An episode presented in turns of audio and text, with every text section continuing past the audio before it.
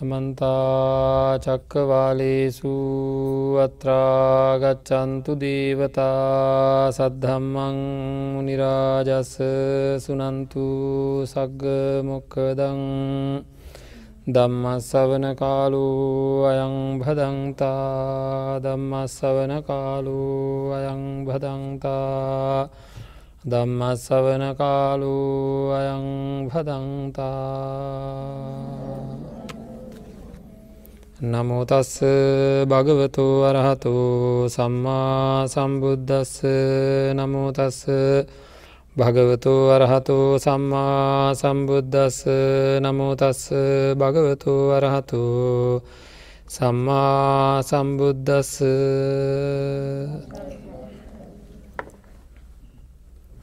ඉමේහි චත්තාලීසාය ආකාරයෙහි අනුලෝමිකං කන්තිං පටිලබති.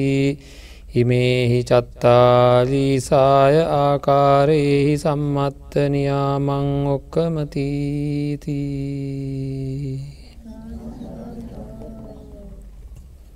සදාබුද්ධි සම්පන්න පින්නත්නී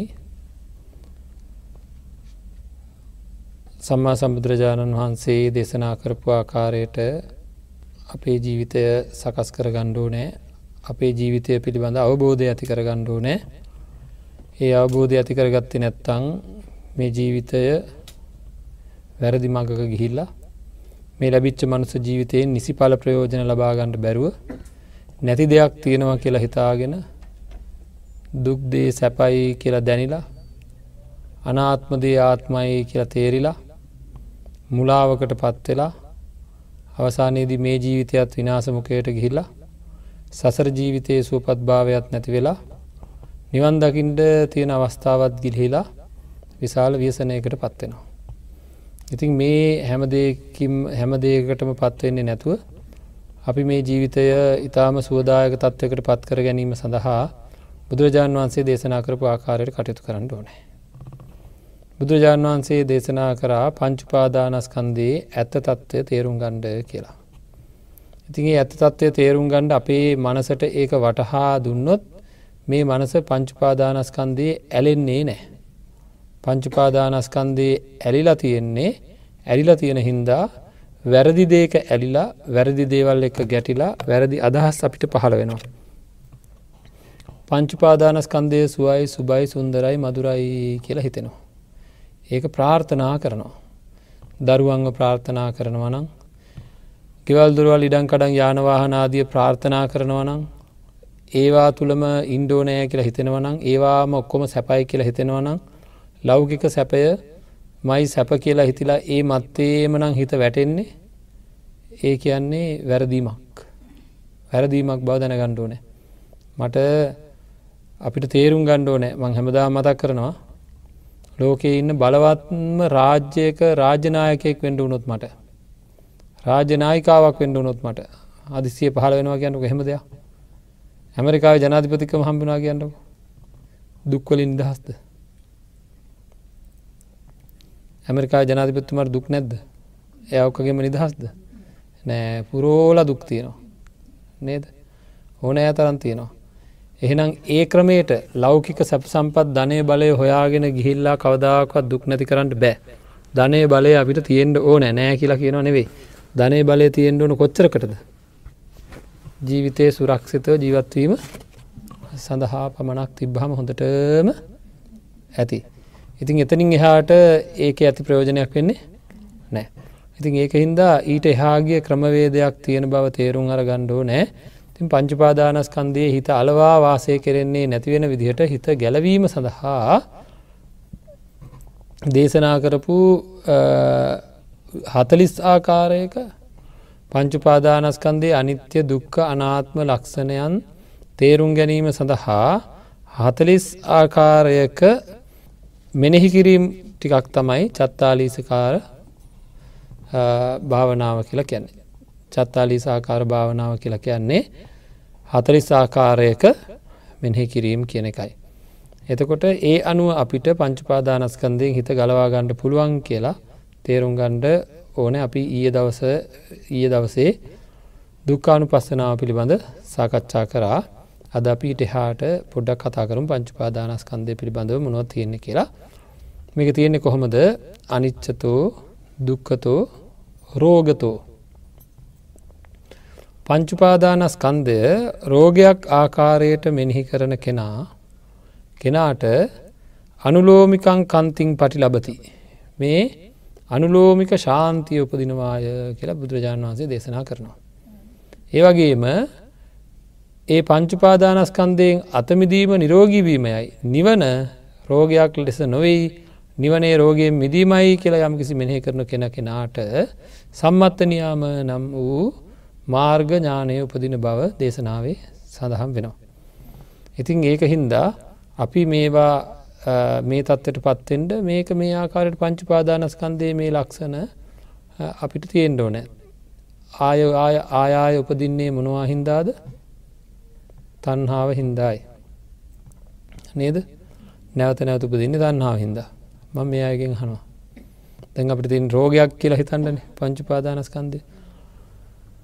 කාට හරි කෙනෙකුට කවුරු හරි කෙනෙක් ඉන්නවද මෙතන හරි? කොහේ හරි මේ ලෝක ඉන්නව කියලා හිතන්ට පුළුවන්ද? අනේ මට කුෂ්ට හැදේවා අනේ මට ගඩු හැදේවා අනේ මට අපස්මාරය හැදේවා අනේ මට අහවල් අහවල් ලෙඩ හැදේවා අනේ මේ ලෙඩ දැන් හැදෙන්න නේ දැන් හැදෙන්න නේ හෙටවත් හැදිලා තියේද කියලා? මගේ දරුවන්ට හැදේවා මගේ ඥාතීන්ට හැදේවා කියලා එහෙම ප්‍රාර්ථනාවත් තියෙන ඉන්නවත් දන්න. නෑ කවදාකවත් එහෙම වෙන්ඩ බෑ එහෙම වෙන්නේ නෑ. අපි එහෙම ප්‍රාර්ථනා කරන්නේ නෑ. ඇයි ඒ රෝගය ඒ රෝගය භයානකයි කියල දන්න හින්දා. අපිට වැටහුණොත් අපේ මනසට වැටහුණොත් රූප වේදනා සංඥා සංකාර විඤ්ඥාන කියලා කියන්නේ රෝගයෝ වැනිය කියලා. හරිද රෝගයෝ වගේ ඒව ලෙඩ වගේ ලෙඩදාගණ්ඩ ඕන්නෑ නෙහෙමන නේද. ආංගේ විදියට වැටහෙන තුරු රෝගයන්ගේ තියෙන ලක්ෂණයන් අනුව පංචුපාදානස්කන්දේ ලක්ෂණයන් සංසන්ධනය කරමින් මෙහි කරන්න ඕන. රෝගයන්ගේ තියෙන ලක්ෂණ මොනවද. රෝගයන් වලට හැම වෙලේම ඒ රෝගයන් හේතු නිසා සකස් වෙන දේවල්. නද අපි දන්නවා ඩෙංගු හැදුන නං කියෙනවා මදුරවා කාලා කිය. නේද එක ඒක එක හේතු හේතු වෙලා තමයි රෝගයන් හැදෙන්නේ. හේතු අඩුවෙනකොට රෝගය අඩුවෙනවා. ඒ විතරක් නෙවෙයි රෝගයන් හේතු වෙනවා එක රෝගයක් හැදුන හම අපි දන්න හොඳටම එක රෝගයක් හැදුන හම ඇඟ හොඳටම දුරල වෙනකොට ඊට වැඩිය එහා ඒක හොඳ කරගන්නට බැරිවුණොත් ඒ ලෙඩෙත් එක්ක තව ලෙඩෙනවා. හර්දයාබාදය හැදෙන අයට හර්දයාබාදයට සල්ලි කර්ම කරලා ඒක අයින් කරන්න යනකොට නිවෝනියාවටනවා. නේද එතකොට ඉතින් මැරෙනවා. ඒවගේ එක එක ලෙඩක් මදිවට දෙකතුනක් එනවා සමහර ලෙඩ තවත් ලෙඩෝල්ට හේතු වෙනවා. ආං එහෙම ලක්ෂණ තියෙනවා නං හැමිලේම රෝගවල වැඩේමකක්ද. මේ රෝග සැපයි නේද හරියට. නෑ රෝග හැම්වෙලේම දුක්වේදනා ඇති කරනවා. නේද රෝග හැම්වෙලේම අපි ගිනි තියල වගේ උනගත් හමත් ගිනි තියල වගේ. අත් කැක්කුම් කකුල් කැක්කුම් කොන්ද කැක්කුම් ඉසේ කැක්කුම් ඔක්කොම ගිනි අරං වගේද නැද්ද. රෝග අපිව ගිනි අරං වගේ. හරිද. එනම් රෝග හේතු හින්දා සකස් වෙන ඒවා වගේයක් රෝග තවත් රෝගෝල්ට හේතු වෙනවා රෝග හැදුන හම ගිනි අරගෙන වාගේ ඉඩ වෙනවා. නේද රිදෙනවා හරියට. දැම් බලන්ඩ රූපවේදනා සංඥා සංකාර විඤ්ඥාන කියලා කියන මේ පංචුපාදානස්කන්දය මෙන්න මේ වගේද නැද්ද කියලා. නේද. මේ කය කොහොමත් දන්නේ. නේද. ශරීරයේ රෝග ආකරයක්ද නැද්ද. ශරීරයේ රෝග ආකරයක් හැම්බෙලේ මේක රෝගවලින් අතමුදුව ගණ්ඩ පුදුම අමාරුවකින් තමයි ඉන්ඩෝන නේද. ඉතින් හැමවෙලේම මේක දනවා වගේ ගිනි ගන්නවා වගේ හරියට දෙවල් මේ ශරීරය ශරීරයේ ස්වභාවය තමයි ශරීරයේ ගතිය තමයි ඒක තනිකරම ප්‍රාර්ථනා කරන්න හොඳ එකක් නෙවේ මේ ශරීරය කියන්නේ මේක ප්‍රත්තියෙන් යැපෙන එකක් බලන්න මේකට කණ්ඩ දෙන්ඩෝ නෑ බොන්ඩ දෙන්ඩෝ නෑ නාවන්ඩෝ නෑ බුද්ධි කරවන්ඩෝ නෑ නද? සාතු සප්පායන් කරන්නඩෝ නෑ හරියට වෙලාවට ඔක්කොම කරන්නඩෝ නෑ නද? නෑවේ නැත්තං ඉවරයි. මේක බුදි කෙරව නැත්තන් ඒත් ඉවරයි නේද? දවසකට එක සර පෑහයක් විතර හරදාලා තිලා බහු ගණ්ඩෝන නැත්තම් බෑක දිකට වැඩ කරගන්න බැරිවෙනවා ති මේ වගේ මේ ශරීර ඊලාට වෙලාවට හරියටම කණ්ඩටික දෙන්න ඕන. කොහැරි යනකොට පාර්සල පාර්සලයක් දාගෙන මේ ශරීරයම එල්ලගෙන අන්න ඕන. හරිට අලියා කිතුල් කොට උත්සා යනවා වගේ. නේද? අලියා කිතුල් කොට උත්සා යන වගේ අපිත් කෑම පාසල අර යන්න ඕන. ඒක නැත්තම් බෑ කලන්ත දාලා වැටෙනවා. එතකොට මේ ශරීරය පැහැදිලිවම නේද? රිදුම් දෙන දන ප්‍රත්්‍යයෙන් හටගන්න ලෙඩක් වගේ. ඒක තනිකරම ලෙඩ ගුහාාවක්. මේක චක්කුරෝග සෝතරෝග ගාන රෝග ජීව්‍යාරෝග කායරෝග සීසරෝග කන්න රෝග මුකරෝග දන්තරෝග කුච්චිරෝග නේද? ආදි වසයෙන් අනන්ත අප්‍රමාණ වසයෙන් කියන්න පුළුවන් තත්වක තින ඒ ආකාරයේ රෝගවලට පීඩාවට ලක්වෙන දෙයක් තමයි. එහෙනම් ශරීරයක් ප්‍රාර්ථනා කිරීම හොඳ දන්නේ. ශරීරයක් ප්‍රාර්ථනා කිරීම හොඳද? නෑ. ආං එක හිතර දැනෙන්ඩ ඕනෑ. ඒක කොච්චර හිතර දැනෙන්ඩ ඕනද කියරවනම් මේ ආකාරයට භාවනා වඩන කෙනෙකුට චත්තාලිසාකාරයට භාවනා වඩන කෙනෙකුට මුණුපුරෙක් පහළ වෙනකොට මොන විදිහට දැනෙන්ඩ ඕනෑ? දුවගෙන කියල හප්පේ හොඳයි නේද? හොඳක් වුණා යහපතක් වුණා නේද? හොඳම දෙයක් දැකීමත් සතුටක් එන්ඩොක බලන්ඩ එන්ඩොක පෙන්නන්ඩ කියලා. එහෙමද දැනෙන්නේ? එහෙම දැනෙන්ට ඕන. නෑ කොහොම දැනෙන්ට ඕන? ලෙඩ ගොඩක් පහළ වුණා නේද? ඒගැන මෙයා මොන තරන් දුකක් විඳින්ට දැම් මේ පහළ වනේ තවත් දුක්කස්කන්දයක පහළවීමක් වුණා කියලා අපේ චින්තනය වෙනස් වෙලා තියෙන්ට ඕනෑ. ශරීර පිළිබඳව ලෙඩක් නොවේ කියන අදහසක් එන්ඩම බෑ. හරිද මොකද ලෙඩක් ලෙඩක් ශරීරය කියන්නේ රූපය කියන්නේ රෝගයක් කියන අදහසට ප්‍රතිවිරුද්ධව. නෑ ඒක නිරෝගී දෙයක් කියන අදහසක් එන්ඩ එන්ඩ බෑ අන්න එහෙම ඒ වගේ අදහසක් නං අපිට එන්නේ පින්නත්න අපේ හිත එකට බැදෙනවා. එතකොට ශරීර ප්‍රාර්ථනාව නැතිවෙන්ඩ ඕනෑ. හරි ඒක නැතිවෙන්ට නං ඒ ගැන අපි හොඳීන් මෙහෙ කරන්න ඕන. ඉළඟට වේදනාවල් අපේ ශරීරය ආශ්‍රය කරගෙන නොඒකුත් සැපවේදනා දුක්වේදනා අදුක් අසුක වේදනා ඇතිවෙනවා. නේද. ඒවා ඇතිවෙන්නේ හේතු ඇතිවද හේතු නැතිවද. ඒ ඇතිවෙන් අපිට යම් දෙකක් ගැන ආසාාවක් ඇතිවෙනවා නම් එකත් හේතුවක් ඇතුව. කෙනෙකුට ආසාහිතන දෙයක් නෙවේ තවත් කෙනෙකුට නේද මට මොනවහරි මට සැපවේදනා උපදිනේවා මට නවත්ත ගණ්ඩ බෑ. පවත්ත ගණ්ඩ බෑ. දුක්වේදනා උපදිනේවා මේ ශරීර ආශ්‍රය කරගෙන නොඒකු දුක්වේදනා උපදිනකොට ඒවා අයින් කරන්න මට පුළුවන්කමක් ඇත්තේ නෑ. මේ මොහොතේ ඇතිවෙන යම් වේදනාවත් තියෙනවාද? ඒ වේදනාව ඊළඟ මොහොතේ ඇතිවෙන වේදනාවට හේතු වෙනවා. මම මම යම් කිසි සැපවේදනාවක් විදිනවා නම් පින්වත්න මේ වෙලාවේ යමකින් මම මේ අත්තන්ගේ මෙහෙමහන්න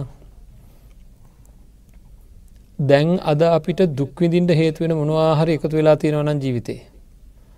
ආංගේ එකතු වෙලා තියෙන දේවල් දුක්විඳින්ට යමක් හේතු වෙලා එකතු වෙලා තියෙනවා නම් අපිට දුකක් ඇති වෙනවනම් මේ කාලේ මොනහර දෙයක් හින්දා. අතීතයේදී සැපයි සුවයි සුන්දරයි මටම ලැබිච්චදේ මගේ වාසනාවට හම්බෙච්චදේ කියලා සැපවින්ද ඒවා හින්දද නැද්ද? දැන් දුකින්දිට වෙලා තියෙන්නේ. සතුට වෙච්ච දේවල් සතුට වෙච්ච දේවල් හින්දා තමයි දැන් දුක්විදිට වෙලා තින්නේ ඇයි සතුර වෙච්ච දේවල්ලට අපි බැඳුනා නේද එහෙනම් අන්න අපිට තේරුම් ගන්න පුළුවන්ගෙන්ඩුව නෑ ඒ වින්ද වේදනාව තවත් දුක් වේදනාවලට හේතු වෙනවා. හරිද ඒ කියලා යමක් ආසාාවක් ඇතුනට පසේක නොවිද ඉන්ඩ ගිහාමත් රිදෙනවා. මට යම් කෙනෙක්ව දකිින්ඩෝ නෑ කියලා හිතිච්ච වෙලා වෙදන් දුක්වේදන ඇතිවෙනවා. දකිනකට සැපවේදන ඇතිවෙන ඉට පස වෙන්ගෙනකොට සැපවේදන වැඩි වෙලා. හරිද ඒ කියන්නේ අතීතයේ යම් සැපවේදනාවක් ලැබුවද ඒ සැපවේදනාව ඊළඟ සැපවේදනාවට හේතුවක් වෙනවා. ඊළඟ දුක්වේදනාවට හේතුවක් වෙනවා. එතකොට එහෙනම් අර ලෙඩ ලෙඩ වැඩි වෙනවාගේ තමයි. ලෙඩ එන්ඩෙන්ඩෙන්ඩෙන්ට වැඩිනවදන බැඳීම් කියනේවා බැඳීම් කියනේවට ඉඩදීලා කටයුතු කරන්න කරන්න කරන්න කරන්න කරන්න කරන්න ඒ බැඳීමට අදාළ දෙවල් නැතිවෙනකට ඇතිවෙන දුක්වේදන වැඩියන සැපවේදනා විදින්ට විඳින්ට විදින්ට විදිට විදින්න විදින වාරයක් වාරයක් වාරයක් ගාන ඒ සැපවේදනා විඳ දේහින්දා විඳින්ට වෙන දුක්වේදනාව වැඩි වෙන හරිට මොකක් වගේ දෙතකොට ලෙඩක් වගේ. රෝගයක් හැදිල වගේ. නේද? අපි කියනවත් එක්ක. දැ සමහර අයට ඔය සමහර දේවල්ලොට බැඳීම ඇති වෙලා පැත්ත ගහලා ඉන්නවා. එතකට කට්ටේ කියන්නේ නේද? ලෙඩක් හැදිලා කියලා කියන්න ඒකට කියන්න අර ඉංග්‍රිසි වචන තමයි කියන්නේද සික් එක හැදිලා ඉන්නවා කියලා කියන නේද?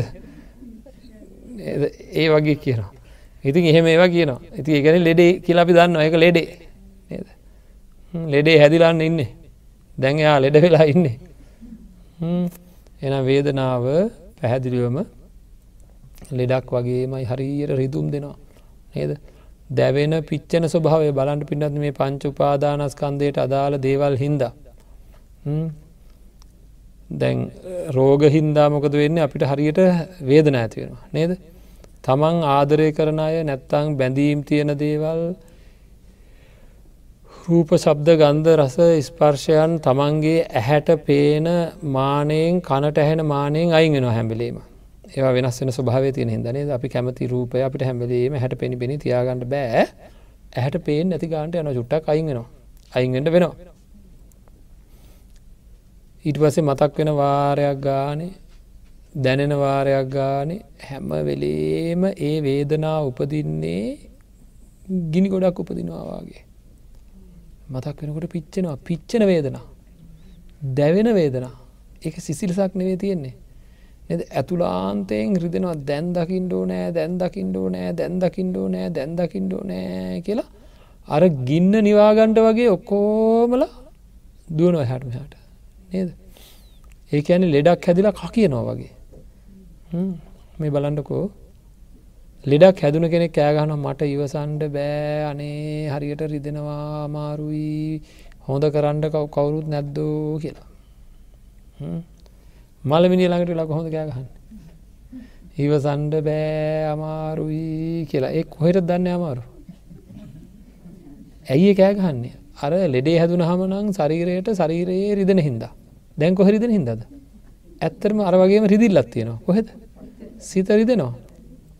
නේද? දුක්වේදන ඇති වෙනවා. එනම් පංචුපාදානස්කන්දය නේද? දුක් සහිතව උපදින්නේ. තැවිලි දැවිලි සහිත ආශ්‍රව ඇති කරන වේදනා. නේද? ඒවා රෝග වගේ කියන්නේ එකයි. රිදෙනවා. පංචුපාදානස්කන්දය අල්ලාගත්ත ඇත්තන්ට හරී රිදෙනවා.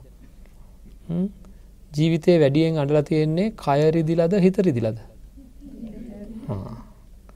හිතරිදිල වැඩියෙන් අඩලා තියෙන්නේ. එහෙනම් හිතරිදිල වැඩියෙන් අඩලා තියෙනවා කියන්නේ ආම් පංචුපාද අල්ලලා තියෙන්නේ මොකක්ද පංචුපාදානස්කන්දය කටු අකුලකින් අල්ලගත්තාවාගේ හරිද? ඉතින් රෝගයක් හදාගත්තා වගේ. ලෙඩේ හදාගත්තා. ලෙඩේ හදාගටස ලෙඩේ හින්දයි මේරි දෙන්නේ බලන් පින්නත්න කෙනෙකුට ආදරයක් තියෙන කාලෙක එයා හින්ද රිදෙනවා. කෙනෙක් එක බැඳීමත් තියෙන කාලෙක එයා හින්ද රිදෙනවා. ඒ බැඳීමයින් වුණට පස්සේ එයා හින්ද රිදෙන්නේ නේද? එනම් ලෙඩේ තියෙන කාලෙට රිදෙනවා. එන ඉක්මට ලෙඩ හොඳ කරගන්න ඕන. ඒක දැනිච්චාය පින්වත්නී ලෙඩ තියාගෙන ඉන්න නෑ. එහෙනම් ලෙඩක් විදිහට දැනෙන් ඕන අපිට මේක. ලෙදක් විදිහ දැනෙන්ටන ලෙඩක් විදිහට මෙනෙහි කරන්න ඕනෑ. රූප වේදනා සංඥාත් එහෙමයි. නේද? ලෙඩක් ඇති වෙලා තියෙන වෙලාවට අයිෙන් ටයිමට මේක මගේ සරීර දැම ලෙඩ අයිකරගන්න මටහට මගුල් ගතත්තින ලෙඩ අයිෙන්ඩ නෑකට අයිවෙනවාද නෑ. රෝගේ එහෙම අයින් වෙන්නේ ඒකක ප්‍රත්්‍ය නිසා සකස් වෙන දේ ප්‍රත්්‍ය හේතුවෙන් සකස් වෙන දේ මට කැමති වෙලාට අයින් කරන්න බෑ. මට හෙට මගුල් ගෙදරකයන්ට වෙලා. අද රෑ හොඳටම රණ්ඩුවක් ගියා. දැම් මගේ මූුණ එල්ලිලා තියෙන අද. අය කිසිීම විදිහකින් අර මූුණ සකස් කරන ඒවට මේ මූුණ හදන්ඩ බෑ. නේද? ඒ හැන්ද හොඳට රන්ඩ වෙලා හොඳ වචන ටිකක් යාගෙන මුණෙල්ලුනා නම් ආයර මේකක් දාලා මේක හදන්න බෑ. කෝච්චර කරත්. හිතම හදන්න ඕනේ. නේද? මොකද ඒ ඇයි හදන්න බැරි? ඒ ඊයේ කියාගත්තය ඔක්කෝම මතක් වෙනවා. මතක් වෙන නවත්තන්න බෑ. මතක් වෙනවා නවත්තන්න බෑ. මතක් වෙනවා කියන්නේ ඒවා ඒවා නැවත නැවත නැවතන මගේ අර වචන කිව මේකට මේ වචන කිව මේකට මේක කිව මේකට කියලා හඳුනා ගන්නවා. ඒ හඳුනා ගැනීම් සිද්ධ වෙනකොට රත්වෙන දැවෙන දැවෙන පෝලිමත් තමයි හැදෙන්නේ. සංඥා සන්තතිය රත්වීම් දැවීම් සහිතවයි. ඒත් එක්ක ඒත් එක්ක මං කියන සංස්කාරක මොකද? ඒත් එම ඒ කියන්නේ තරහ යනවා අරවා ඊයේ රෑ වෙච්චය මතක් වෙන තරහ යනවා පුපුරු ගහනවා මූනෙල්ලං ඉන්නවා. ආයනේ මගුල් ගෙදර ගයා කියලා හරියන්න. එනම් සංස්කාර සන්තතියත් එහෙමයි නෙද? ලෙඩක් වගේ. මේ ලෝකයේ මේ සංස්කාරයන් මේ විඤ්ඥානයන් ඒ දැනෙන ස්වභාව ඒත් එහෙම ඒව මට ඕන හැට තියෙන්නේ නෑ එන්ඩෙන්ඩ එන්ඩෙන්ඩ මෙහි කරන්න මෙනික තරහ කියන එකෙන් මෙහි කරන්න මෙහි කරන්න තරහ වැඩි වෙනවා. නද රිදුම් වැඩි වෙනවා. ඒගැන් ඒ ලෙඩේ තව ලෙඩකට හේතු වෙනවා. අන්තිමට මේ ලෙඩේ කොච්චර උත්සන්න වෙනද කරන කවහරි මරලා තමයි නවතින්න සමහරය. නේද. ඉතින් දවස් ගණන් සමහර ලෙඩ නිදංගත රෝග. සමහර චිත්ත පීඩා කමන්න කිවට ප්‍රශ්නයන්න නේද නිදංගත රෝග සැරෙන් සැරේ මතුවෙනකොට හරි අමාරුයි. පරම්පරා වෛරයෙන් ඉන්නවද නැත මිනිස්සු? පරම්පරා වෛරයෙන් ඉන්නවා. වෛරකාරයාත් එක්ක නේද? හැම මේ අපේ පරම්පරා වෛරකාරයෝ දකිනකොට හරි අමාරුයි. වෛරයෙන් ඉන්න මනුසය හරි සන්තෝසෙන්නේ දින්න හරි සැපෙන්නේ දින්න වෛරයෙන් ඉන්න අය? නෑ වෛරයෙන් ඉන්න අය හරියට හරියට දුක්විදෙනවා වෛරය කියැන් ලෙඩක් වගේ. හිතේ උපදින ධම්මයක් වෛරය කියලා කියන්නේ එක ලෙඩක් වගේ. එනම් පංචුපාදානස්කන්දය පැහැදිලිවම ලෙඩක් වගේද නැද්ද? වෛරයෙන් ඉන්ඩ ඉන්ඩ ඉන්න ඉන්න මාත්‍රයක් ගාන වෛරය එන්ඩෙන්ඩ එන්ඩෙන්ඩ එන්ඩෙන්ඩ එන්ඩෙන්ඩ වැඩි වෙනවා. ක්‍රෝධය එන්ඩ එන්ඩ වැඩි වෙනවා. මසුරුකම වැඩි වෙනවා. ගිජුකම වැඩි වෙනවා. කෑදරකම වැඩි වෙනවා නේද? ඉති මේ හැම එකක්ම වැඩිවේ වැඩියවී හරියට රිදෙනවා. මේ වගේ මහා රිදුම් ගොඩක් එක්ක තමයි අපි මේ ජීවිතය ගෙවන්නේ. එතකොට පංචුපාදානස්කන්දය රෝගයක් වගේ කියලා දැනෙන තුරු එක තැනකවක්වත් එහෙම නෙවේ කියලා හිතෙන්නේ නැති තරමටම තමන්ගේ අවබෝධය පංචුපාදානස්කන්දය ගැන ඇතිවෙනතුරු රෝගයක ලක්ෂණත් එක්ක සංසන්ධනය කරමින් රූපවේදනා සංඥා සංකාර විඤ්ඥාන කියෙන පංචුපාදානස්කන්දය මෙනෙහි කරන්න ඕන රෝග ලක්ෂණත් එක රෝගයක තියෙන ස්වභාවයක් එක්ක සංසන්ධනය කරමින් මෙනෙහි කරන්න ඕන. හරිද ආංහෙම මෙනෙහි කරන කෙනාට මංහන මේ අත්තන්ගෙන් සාමාන්‍ය ජීවිතයේ ඉද්දී ලැබිලා තියෙන දේවල් නොලැබිලා තියෙන දේවල් තියෙනවා අපිට. ලැබිලා තියෙන දේවල් ගැන දැඩී අල්ලා ගැනීමක් ඇතිවෙයිද ඒ වගේ මෙනෙහි කරපු කෙනෙකුට. දැඩි අල්ලා ගැනීමක එක හැදිලා තියන රෝග පිළිබඳහෙම දැඩි අල්ලා ගැනීම. අපේ මට ශේරෝග තින මේකනම් හොඳවෙන්ට දෙන්න හොඳ නෑ. දැඩි වල්ල ගන්නවද? දන්නේ වගේ. නේද? කොයි වෙලාවෙද හොඳ කරගන්නේ? හම්බෙලා දැනට උපාදානය වෙලා තියෙනේවා කොයි වෙලාවෙද හොඳ කරගන්නේ කියෙන අදහසම එන්ඩෝනෑ ඒ අදහස එනතුරු මට දැනට උපාදානය වෙලා තියනවා කොයි වෙලා දයින් කරගන්න? කොයි වෙලා දයින් කරගන්න? කොයි වෙලා දයින් කරගන්නේ? කියල හැම නිමේශයක මේක මහා රෝගයක් මේක මහා රෝගයක් ඒ රෝගය හොඳ කරගන්න කොයි වෙලා වෙද කියලා. ඊළඟට එන්ඩ තියෙන කිසිම රෝගකට එන්ට දෙන්නේ නැතුව ආරක්ෂාවීම පිළිබඳව අදහසක් තියෙන්ටුන දැනට එහෙම තියෙනවත් දන්න මේ දරුවන්ට තියෙන ආදරය කුසලයක්ද අකුසලයක්ද? අකුසලයක් නෙවේ අකුසලයක් පැහැදිලිව දරුවන්ට තියෙන ආදරය අකුසලයක් නේද? එතකොට ඒක එහෙන ලෙඩක්ද නැද්ද? ඒ අයිංකර ගණ්ඩ ඕන කළ හිතුනත් දන්න ඒ ප්‍රේද එහෙනම්? එහෙනම් නෑ වැඩි ලෙඩේ තියාගෙන ඉන්ඩ කල්පනාව. එහෙනම් ඒකට ඒවගෙන අපි ගොඩක් උපදෙස් තිලා තියෙනවා.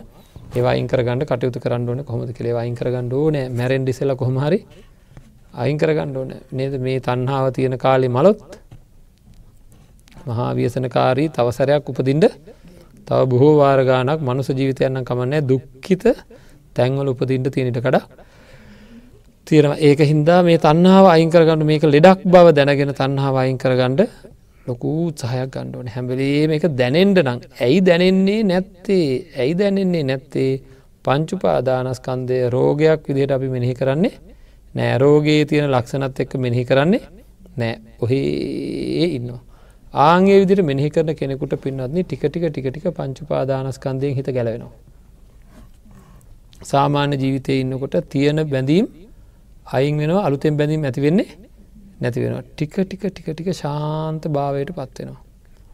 ටික ටික ටික ටික ටික ටික අර චිත්ත විසුද්ධිය දිට්ටි විසුද්ධිය කංකාවිතරණ විසුද්ධිය ආදි වසයෙන් අපි බලාපොරොත්තු වෙන තත්ත්කට හිත පත්වෙන්ඩ පටන් ගන්නවා. මේ විදිහට මෙනිහ කරන කෙනෙකුට නාමරූප පරිච්චේදය ඉඳලා උදයවේ ඥානය දක්වා වූ කියන අනුලෝම ශාන්තිය උපදින එක ප්‍රාථමිකව මූලික උපදින අනුලෝම ශාන්තියයි.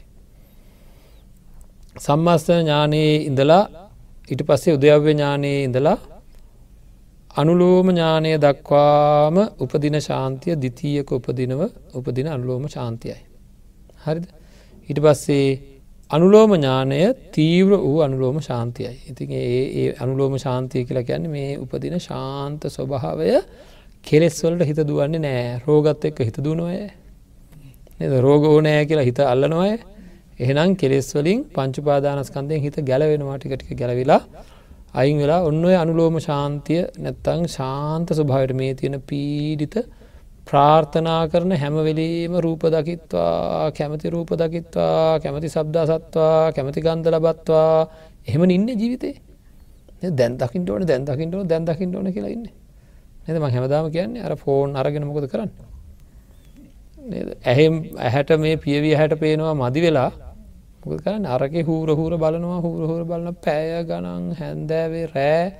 නද? මේක දිහා බලාගෙන තුම වැඩිපුර අද කාලෙ ලෝකෙ වැඩි දෙනෙක් ඉන්නේ මොකද ඒවායින් ලබන සතුට හින්දා. නේද?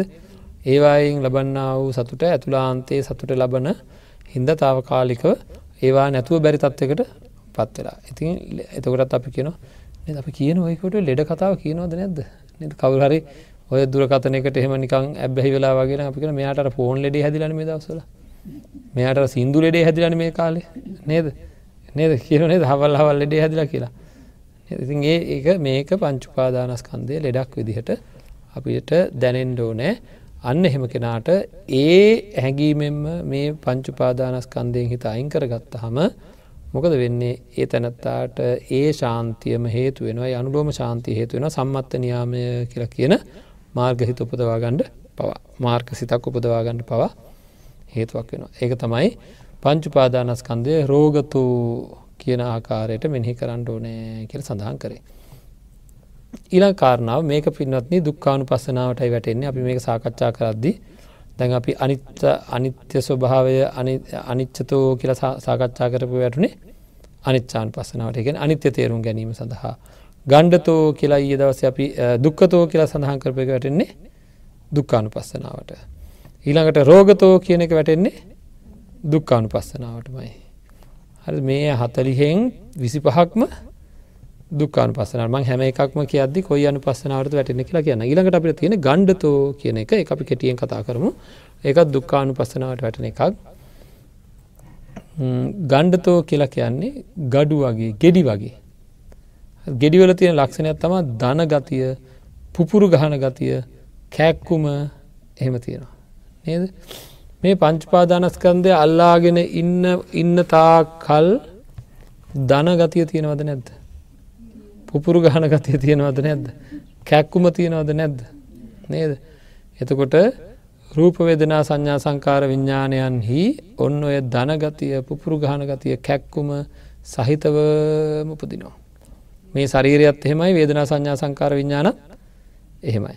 නේද ශරීරයත් එහෙමයි වේදනා සංඥා සංකාර විඤ්ඥානයත් එහෙමයි දන්න පුපුරණ ගතිය හැම්බලීම පුපුරු ගහන කැක්කුම ඇති කරන ගතිය තියෙනවා. ඉතින් හරි අමාරුවෙන් තමයි ඉන්ඩ වෙලා තියන්නේ. ශරීරයත් එක්කත් ඉන්ඩත් අමාරුයි වේදනා සංඥා සංකාර කියන සන්තතියම ධනගතිය පුපුරු ගහන ගතිය කැක්කුම් ගහන ගතියත් ගතිය හරියට මේ සන්තානගතව මොනවා උපදිනවා වගේද ගිනි ගොඩ උපදිනවාවාගේ තමයි මේ පහම උපදින්නේ. හරි. එතකොට මේ උපාදාන වැඩි වෙනකොට ඒවා ගැන අල්ලා ගැනීම වැඩි වෙනකොට චිත්ත පීඩා වැඩි වෙනකොට කයත් ඉතාම් පීඩාකාර වෙනවද නැද නේද? කයට හේතු වෙනවානේ සිත. කය නැවත නැවත හට ගැනීමට විඤ්ඥාන පච්චයා නාමරූපන් නේද? එතකොට මේ උපදින්න වූ විඤ්ඥානය නාමරූ පරම්පරාවට හේතු වෙනවා. අපි දන්න හොඳරම තරහගේ ගම මූුණ වෙනස් වෙනද නැත තරහගේ ඉරිසියා වෙනකොටත් මූුණ වෙනස් වෙනවා. එනම් මේ රූපය වෙනස් වෙනවා ඉක්මනට. නේ රූපය හැඩ තලය වෙනස් වෙනවා. ඉතින් ඒක හින්දා අපිට නොඒකුත් ආකාරයෙන් මේක පුපුරු ගහන දැවිලි සහිත ගෙන ශරීරයක් දනවා. ශරීරයක් දනවා හිතත් දනවා. නද? චිත්ත පීඩාපුහම සමහරඇත්තන්ට ලොකු පීඩා පීඩාකාරි තත්ත්වයන් ඇති වුණ හම බඩ හිටම් බුරුල් වෙනවා. එහෙම වෙලා සමහර ඇත්තු මේ කරදරේ පැත්තක තියද යාලා එයාලට මල පහ බැහැර කරන්න යන්ට වෙලා. ඒ තරම් උුණු වෙනවා. මේ ශරීරය උුණු වෙනවා. නේද? එහෙම ඇත්තෝ ඉන්නවා. ඉතිං මේ අල්ලගෙනන්න මේ පංචුපාදානස්කන්දය අන්න ඒ වගේ එකක්. මේ පංචුපාදානස්කන්දය ඇල්ලිය යුතු එක නෙවේ මේක අල්ලගත්තොත් මේක තන්හාාවෙන් බැසගත්තොත් තන්හාාවෙන් පංචුපාදානස්කන්දයේ බැසගත් අයට ඔවාගේ හරියට නිකං ගඩුවක් වගේ ගෙඩියක් වගේ පුපුරු ගහන පුපුරු ගහන කැක්කුම් ඇතිවෙන තත්වකට පත්වෙනවා. ඒක හින්ද ඒ ඒ විදිහට ඒක මෙනෙහි කරපු හාම අපිට ටික ටික ටික ටික දැනෙන්ඩෝ නෑ මේක මහා වේදනා කැක්කුම් ඇතිවෙන පුපුරු ගහන ස්වභාවේ තියෙන ගෙඩියක් වාගේ එකක් තමයි රූපවේදනා සංඥා සංකාර විඤ්ඥාන කියලා කියන්නේ කියලා හොඳට දැනෙන්ඩෝන. එහෙම නෙවේ කියලා සංඥාවක් ඇති නොවෙන තුරු මෙනෙහි කරන්න ඕන. හරිද? එතකොට මේ ගෙඩි කියන ඒවා සැපයිද දුකයිද? ඒවා දුකයි නේද? තකොට ගෙඩි කියනවා දුකයි ශරීරයේ හැද හැදෙන යම් ගෙඩියත් තියෙන වන ඒවා මහා දුකක් ඒවා බරයි ඒවා කැක්කුමයි ඒවා බොහොම දරාගණ්ඩ පහසුයි ඒවා සැරව ඇති කරන ලක් ස්වභාවය තියෙනවා. එක අනවශ්‍ය දෙයක් ඒක බැහැර කළ යුතු දෙයක් එක සුවකරගත යුතු දෙයක් නේද ආං ඒ විදිහට පංචුපාදානස්කන්දයේ ලක්ෂණ අපි ඒ ගෙඩියකට සමාන කරලා ගඩුවකට සමාන කරලා මෙහි කරන්න ඕන. එහෙම මෙහි කරනකට අපිට පංචුපාදානස්කන්දය ගැන සතුටත් ඇති වෙන්නේ කලකිරීමත් ඇති වෙන්නේ. කලකිරීමක් ඇති වෙනවා. එතකොට මේ පංචුපාදානස්කන්දය සුවයි සුන්දරයි මදුරයි කියලා එක වෙනුවට වෙනදා ඇති වෙන සතුට වෙනුවට කලකිරීම ඇති වෙන වෙන ඇති වෙච් ඇලීම වෙනුවට නොඇලීම ඇති වෙනවා. වෙනදා ඇතිවෙච්ච අල්ලා ගැනීම වෙනුවට අතහැරීම ඇති වෙනවා. අතහැරීමේ අදහස් ඇති වෙනවා. තොර පංචුපාදානස්කන්දය අන්නේ විදිහට හිතෙන් අතහැරෙන තුරු මේක ගණ්ඩතෝ ගණ්ඩතෝ ආකාරයට රූප වේදනා සංඥා සංකාර විඤ්ඥාන කියෙන ගණ්ඩතෝ කියනකට පහක් වැටනවා ඇතකොට රූප වේදනා සංඥා සංකාර විඤ්ඥාන ආං ඒ විදිහට දැනෙන තුරු මෙනෙහි කිරීම කරනකොට පංචුපාදානස්කන්දයෙන් හිත අයින් වෙලා අනුලෝම ශාන්තිය උපදිනවා. හරිද? අන්නේ අනුලෝම ශාන්තිය උපදිනවා උපදිනාව කියන්නේ හිත එකඟ වෙනවා. හිත ශාන්ත භාවයට පත්වෙන හිතේ විසිරෙන ස්වභාවය අහින් වෙනවා. ක්‍රමාණුකූලව විදර්ශනාඥාන දැනෙන දැනෙන තත්ත්වකට හිත පත්වෙන ආගේ විදස්සනා ඥාන වලින් අනුලෝම ඥානය තුනට පස්සේ කෙනෙකුට මාර්ගසිතක් අනුලෝම ඥානය පසේ සංකාරුපේක්ෂා ඥානය. ඉතින් මේකත් එක්ක ඊළඟට ගෝත්‍ර භූඥානය ඉළඟට මාර්ග සිත්. ඉතින් මෙන්න මේ විදිහට අපි මේ මෙනෙහි කිරීම් කරන්න පටන් ගණ්ඩෝ නෑ තමන්ගේ ජීවිතයේ ලැබෙන ලැබෙන දේවල් ඔය වගේ රෝගතෝ ගණ්ඩතෝ අපි ළඟගත් කතා කරලමිකු ඉළඟ එක සල්ලතෝ. සල්ලතෝ කියලා කියන්නේ ඇනිච්ච උලක් වගේ කියලා. හරිද? ඇනිච්ච උල තියනකං රිදෙනවද නැද්ද? ගලෝනකම්ම ගැලගුවට පස්සෙත් රිදෙනවා. නේද? නමුත් ගලෝන එක ලේසිද? උලක් ඇවුන් හම ගලෝන එක හරි අමාරුයි ගලවන්ට ලෑස්ති වෙන කොටත් රිදෙනවා. හරිත ගලවන්ට ලෑස්ති වෙන කොටත් රිදෙනවා ඒක බොහොම අපහසුතාවයකට පත්වෙන ස්වභාවයකත්තමයි උලක් වගේ. එතකොට මේ කය කියන්නේ හරිද? හැම වෙලේම උලක් ඇයනවාගේ උලක් ඇයනවා වගේ රිදෙන එකක්ද නැද්ද. මේක හැම තැනමරි දෙෙනවා කයි. නේද? අවුරුදු තිහක් විතර යන කන්නන් ටික හරි බේරිලා ඉන්නවා. තිය තිස්පා පැන්නට පසේ නිදාගන්නඩ ගහම ඉරියව්වක්වත් හොයාගන්නට නෑ. නේද? අර කාලෙදිත් එහෙම තමයි. නැගිටින ඉඳගෙන නැගිටනොට තම්මේ කියනවා. අයියෝ කියවෙනවා නේද? අයියෝ අම්මේ ආයි අමාරුයි. මොක දන්න ඒවා කිය වෙන්නේ මේ ශරීරය උල් ඇනෙනවාවාගේ මේ වගේ ශරීරයක් කම්බෙලා ජීවත් වෙන උල්ලන්නවා වගේ. ඇත්තරමත් උල්ලන්නවා. කකුලෙත් උල්ලන්නවා. ඒ මදිවට ශරීරයේ හැම තැනම කසනවා නලියනවා දඟලනවා රත්වෙනවා නේද? වෙලාවට දිගාරපු කකුල නවන්ට බෑ. ඇත්තට මුල්ලයිනට වැඩිය අමාරු ඉතින් වෙද්දු හයාගෙන අන්ටන ඒක නවන්ට නේද? ඇපත්තු බැඳලා තෙල්ගාලා බුරුල් කරලා එක ඒකව කල තමයි නමා ගණ්ඩෝන නේද? ඉතින් තද උල් ඇනෙනවා වගේ. මේ මේ ශරීරය පැහැදිලම් උල් ගොඩක්. නේද? මේ ශරීරය උල් ගොඩක්ද නැද්ද? පැහැදිලියම් උල් ගොඩා වේදනාව ගැන කවර කතාවත්ද වේදනාවත් එහෙමයි.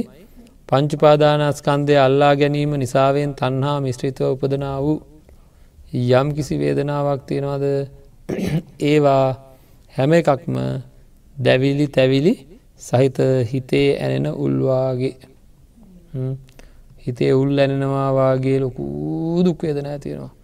ඒ දුක්වේදනා සමහර විට දරාගණ්ඩ කයට උලක් ඇනෙන එක හොඳයි කියලා හිතෙනවා. කයට උලක් ඇනේවා කියලා කෝච්චිර පයින. කෝච්චි තියන උල්ලොක්කෝ මැනෙන්ඩ ඒක හොඳයි. කෝච්චිර පැන්නහම ඇනෙන උල්ටික තව හොඳයි හිතේට ඇල්ල තින මේ උලට වැඩිය ගලවන්ඩ පුළුවන්නම් කෝච්චිවලට පනිද? නෑ. නේද? එතකොට මේ මේකත් දුක්කානු පස්සනාවටයි වැටෙන්නේ. ශරීරයට ඇනිච්ච උලක් දුකයි වගේ. වේදනා සංඥා මතක් වෙන මතක් වෙන වනේද මමතක කරන්නට හදනවා හදනවා හදනවා උලක් ඇනෙනවාවාගේ රත්වීම් දැවීම් පිච්චීම් සහිතව මේ සංඥාවපදිනවා රත්වීම් දැවීම් පිච්චීම් සහිතව සංඥාවපදිනවා පින්නත්න්නේ. ඒ වගේම රත්වීම් දැවීම් පිච්චීම් සහිතව ඇනිච්ච උලක් වගේ ගලවලදාට කොච්චර වමනාව තිබත් නේද හිතේ හිතේ සංස්කාරයන් උපදිනවා. බලන්ඩ සමහර දවස්වලට කොච්චර පීඩා තියනවාද කියනවා නම් ඔන්න ඒ පීඩාවලට නින්දයන් නැතුව ඉඳලා ඉඳ ඉඳලා නින්දයනවා. නින්දගීල ඇහැරිලා විනාඩියක් යන්ඩිස්සල ආයසරයක් කරක මතක් වෙන මතක්කට ආය ඇනෙනවා වගේ දෙෙනවා නේද? ඇනි ඇනිල තියෙන උල් වගේ. අවුරුද්ධකට තිරෙසලා කවුහරි මගේ කම්බුලට ගැහ්වා. තාමත් මතක් වෙනකොට ඒක ගලවන්ට බෑ. දැක්කොත් එහෙමයාව මට මතකයි නේද ගැහ්වා එදා. එද නිරපරාධමය කම්බුලට ගහන්ඩ ඕන්නේ අවුද්ධ කර තෙසලා හොඳ වචනයක් කියලා බැන්න. උලක් ඇයනවා වගේ අයනවද නැද්ද හිතේ? නය දීට පස්සේ ඒ උල් තමයි එලියට එන්නේ සැරෙන් සරේ සැරෙන් සරේ යාමට මෙහෙම කිව්වේ මෙහෙම කිව්වේ කියලා.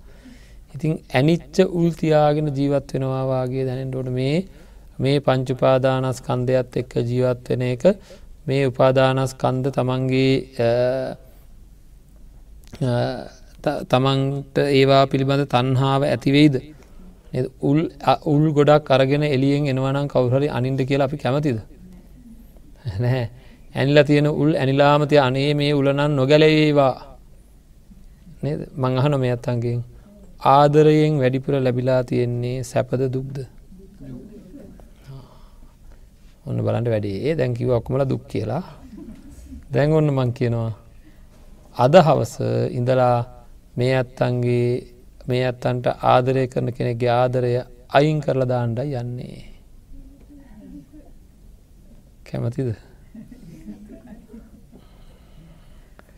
අදවස අදහවසින හිතේ තියෙන ආදරය අයින් කරන්නට කිවොත් කැමතිද? නෑ තව ටිකක්. තිබුදේ. ආං වැරදි අවබෝධය නේද? මේ උල උල ගලවනුවට කැමති නෑ. ඒ ගලවන්ඩ බැරි තරම් තදින් ඇනිලා තියෙන්නේ. ඉතිං අන්න ඒක දැනෙන්ඩෝ නෑ පින්නන්න ඒක දැනෙනතුරු මේ රිදුම් දෙන ආදරය හින්දා හරිදෙනවා වනට ගලවන්ට කැමති නෑ. මොන තරම් මෝඩකමද කියන්න? බුදුරජාණන් වහන්සේ මේක ගලවන ආකාරය දේශනා කරා. ගලෝන විදිහ දේශනා කරා. හිතට ඇල්ල තින ඔක්කෝ මුල්ටික ගලෝගන්න විදි දේශනා කරා.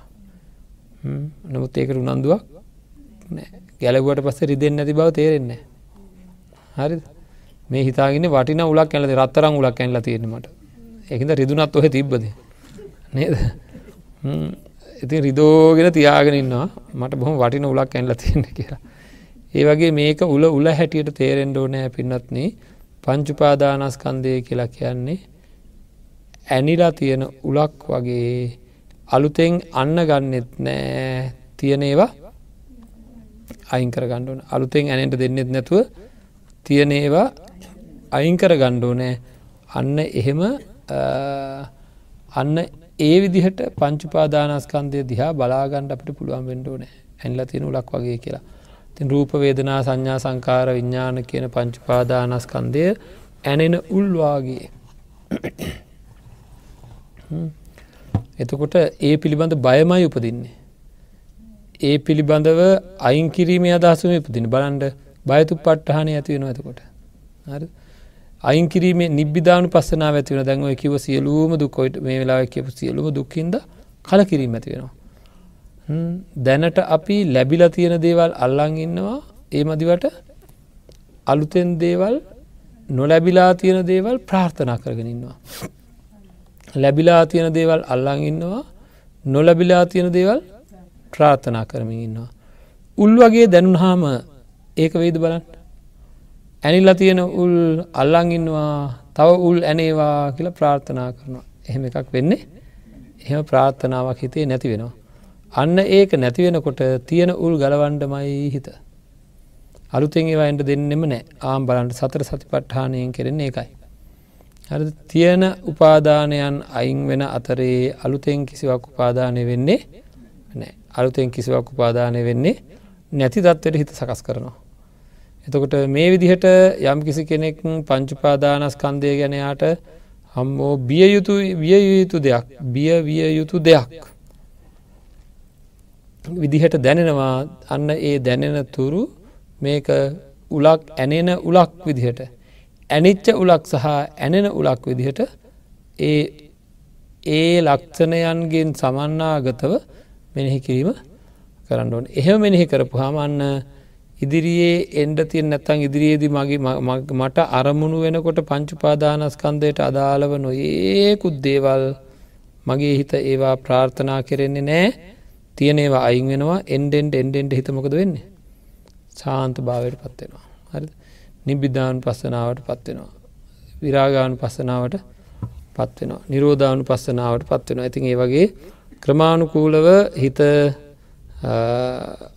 ඇතිවීම නැතිවීම් දැකීමටත් බිඳීම් දැකීමටත් ඒ වගේම බියවීම් සහිත මේ පංචුපාදානස්කන්දයෙන් පිළිසරණක් නෑ කියලා බියවීම් සහිතව භයතු පට්ටහන ආදී උපදීමටත් අවසානයේදී අනුලෝම ශාන්තිය දක්වාම මේක වර්ධනය වෙන්ඩත් හේතු වෙනවා. ඔය විදිහට මේක ඇනෙන උලක් වගේ මෙනෙහි කිරීම. එතොට ඒ මෙනෙහි කිරීම පස්සාකාරයටම පංචුපාදානස්කන්දයම කෙරෙන්ඩෝ නෑ ඒ කෙරෙනකොට හිමීන් අපේ හිත ශාන්ත වෙන්නේ ඒ පංචුපාදානස්කන්දයෙන් හිත අයිං වෙලා අයිං වෙලා අයිං වෙලා යන හින්දා. ඊළඟට පින්නත්න අගතෝ අගතෝ කියලා කියන්නේ මේ ඒකනම් බොහෝම හිතන්ඩ ඕන දෙයක් මං මේ අයගෙන් අහන්නම් මේ පව් කරන්නතුව ඉන්ඩ කැමති නැද්ද? ප්‍රාණගාතයක්වත් අදත්තා දානයක්වත් කාමිත්‍යාචාරයක්ව මොකක්වත් වෙන්නතු ඉන්න කැමති. කැමතිවුණට ඉන්න පුළුවන්ද? එහෙම ඉන්ඩ අමාරුයි. ඇයි? පංචුපාදානස්කන්දේ ස්වභාවය. හරි ඒවා ඒවා පාපයෝ කියන්නේ එකයි හරිද? පංචුපාදානස්කන්දය මේ මේ උපාදාන ස්කන්ද හින්දා තමයි අපි අතින් ඔක්කෝම පව් කෙරෙන්නේ ඔක්කොම පව් කෙරෙන්නේ එක හින්දා ඉතින් බලන්ඩ එහෙම නෙවේද කියලා දරුව හින්දා බොරු කියන්ට වෙලා නැද්ද අගහික අඩුපාඩුකං හින්දා හොරකං කරන්න වෙනවා. ජීවිතය රැක ගැනීම සඳහා ජීවිතය නැතිවේ කියලා බයට සත්තු මරන්ඩ වෙනවා. මස් සඳහා සත්තු මරන්ඩ වෙනවා. නේද මේ ලෝක එක එක්කෙන තරහවෙයි යමනාප වෙයි එක එකවවෙයි කියලා බොරු කියන්ට වෙනවා. ඇත්ති පදන් ගලප ගලප බොරු කියනවා. ප්‍රත්්‍යහවා ගැනීම සඳහා. නේද? පංචුපාදානස්කන්දය හිද කේලං කියන්න වෙනවා. ඊළඟට පරුසු වචන කියන්න වෙනවා. හිස් වචන කියන්න වෙනවා. එතකොට බොහෝ පාපයන් රැස් කරන්න හේතු වෙනවා. පංචුපාදානස්කන්දේ ඇලී ගැලී වාසය කරන ඇත්තන්ට හරියට පවසිද්ධ වෙනවා. ඒවා පාපයෝය කියන්නේ එකයි හරිද? එක එක එක ආකාරයේ ලොකු ලොකු ආනන්තරිය පාපකර්මයන් වල ඉදලා නොඒකුත් ආකාරයේ මවමැරීම් පියාමැරීම් කියනේවත් සිද්ධ වෙනවා. ඉඩමක් හින්දා තමන්ගේ අම්මව ඝාතනය කරා දැන්ට අවුදු ගාන ක්‍රෙසල දරුවේ ඉඩමක් හින්දා තමන්ගේ පියාව ඝාතනය කරා දරුවෙක්. ඉඩමලිල දෙන්නෑ කියලා. ඉතින් ඒ වගේ ආනන්තරිය පාපකර්ම කරගන්නවා. මොනව හින්දද? පංචුපාදානස්කන්දය හින්දා. නේද? එතකොට මේකේ හිත ඇලවා වාසය කිර මේක මහා භයානක දෙයක්. භයානක දෙයක් ඇන මේක පැහැදිලිවම පාපයක්. පැහැදිලිවම පාපයට හේතුවෙන පාපී පාපයට හේතුවෙන දෙයක් කියලා. ඒක පව්වලට හේතුවෙන දෙයක් කියල හැම වෙලේම මේක යම් විදිහකින් මගේ සන්තානගතව උපාදාන වනොත් බොහෝ පාපයන් රැස්සෙනවාය මේක කියලා හොඳින් මෙනෙහි කරන කෙනෙකුට ඒ පාපයන්ගෙන් ගැලවීම සඳහා පංචුපාදානස්කන්දේ අතහැරීමේ අදහස් පංචුපාදානස්කන්දය කෙරෙහි කල කිරෙන. අපි කැමතිද අපිව පවෙහි යෙදවන. අපේ අපිව පවෙහි යෙදවන යාළුවෙක් ළඟට ඇවිල්ලා එයත් එක්ක ජීවත්වෙන්ට කැමතිද. නෑ කවුරුවක්වත් එහෙම කැමති වෙන්නේ නෑ. අපේ දරුවෝ පාපෙහි දරුවන්ව පාපෙහි යොදවෙන්න යාළුවන්ව දරුවේ කාශ්‍රය කරන අපි පොඩ්ඩක්වත් කැමැත්තක් ඇත්තේ නෑවාගේ මේ පංචුපාදානස්කන්දය පාපය සිද්ධ කරවන දෙයක් කියලා. පවසිද්ධ කරවලා මේ වෙනකං. පවසිද්ධ කරවන්නේ පංචුපාදානස්කන්දයයි. එහෙනම් පාපය සිද්ධ කරවන දෙයක් කියලා තේරුණ හම මගේ හිත හැමවෙලීම් පංචුපාදානස්කන්දයෙන් අයින්වෙන්ඩම අයින්වෙන්ඩම අයින්වෙන්ඩම සිතුවිලි ඇතිවෙන හැමලේම ඒක ඇලෙන්නේ නෑ නොවැලෙනවා ග්‍රහණය කරන්නේ නෑ අත හැරෙනවා ඉති මේ විදිහට ඒකත් වැටෙන්නේ පින්නත්න පාපය පාප සිද්ධවීමෙන් ඇතිවෙන්නේ බොහෝ දුක් එන අගතෝ කියනක වැටෙන්නේ දුකානු පසනාවට. හරි? හොඳයි. එහෙමනම් අද අපි ඉගෙනගත්ත ආකාරයට ඒ ඉගෙනගත්ත දේවල් අද අපි සාකච්ඡා කරා රෝගතෝ ගණ්ඩතෝ සල්ලතෝ අගතෝ කියන හතර. නේද? එතකොට මේ හතරාකාරය ගැන අපි දැනගන් දැනගත්තා. ඒ අනු අපේ භාවනා කටයුතු සිද්ධ කරන්න ඕනේ.